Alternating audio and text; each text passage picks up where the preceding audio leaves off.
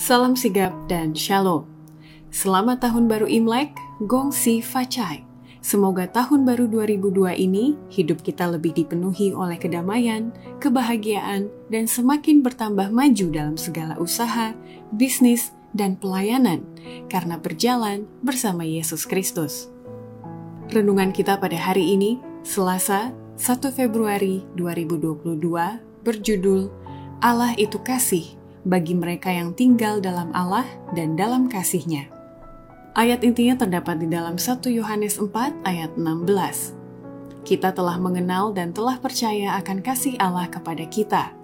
Allah adalah kasih, dan barang siapa tetap berada di dalam kasih, ia tetap berada di dalam Allah, dan Allah di dalam dia.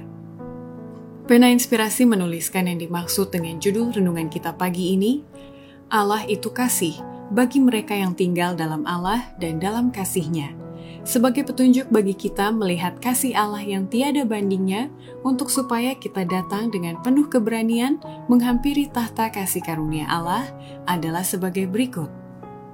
Pertama, bukti Allah itu kasih bagi mereka yang tinggal dalam Allah dan dalam kasihnya, karena selalu ada pertunjukan kasih Allah yang tidak pernah berubah dalam pertentangan besar antara yang baik dan yang jahat. Sejarah pertentangan besar antara yang baik dan yang jahat dari sejak permulaannya di surga sampai kepada penumpasan terakhir pemberontakan itu dan pembasmian menyeluruh dosa juga adalah pertunjukan kasih Allah yang tidak pernah berubah. Kedua, bukti Allah itu kasih bagi mereka yang tinggal dalam Allah dan dalam kasihnya, karena tugas manusia kepada Allah dan kepada sesamanya telah dituangkan dalam hukum Taurat – yang didasarkan atas prinsip kasih.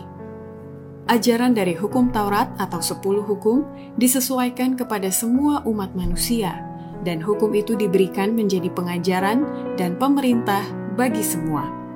Sepuluh ajaran yang singkat, komprehensif, dan otoratif mempunyai wewenang, mencakup tugas manusia kepada Allah dan kepada sesamanya manusia, dan semuanya didasarkan atas prinsip kasih yang mendasar – Ketiga, bukti Allah itu kasih bagi mereka yang tinggal dalam Allah dan dalam kasihnya, karena Allah mengasihi para pengikut Kristus sebagaimana ia mengasihi anaknya yang tunggal. Betapapun seorang gembala mengasihi domba-dombanya, ia lebih mengasihi anak-anaknya laki-laki dan perempuan. Yesus bukan hanya gembala kita, ia juga adalah Bapa abadi kita. Allah mengasihi para pengikut Kristus sebagaimana ia mengasihi anaknya yang tunggal. Keempat, bukti Allah itu kasih bagi mereka yang tinggal dalam Allah dan dalam kasihnya, karena kasih Allah itu senantiasa bertambah secara bertahap yang menyatakan kekaguman tabiatnya. Tahun-tahun kekekalan sementara bergulir akan membawa penyataan Allah dan Kristus yang lebih kaya dan lebih mulia.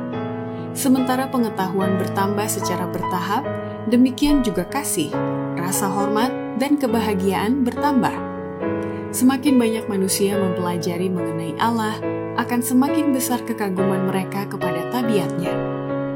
Demikianlah renungan kita pada hari ini, kiranya Tuhan memberkati kita semua.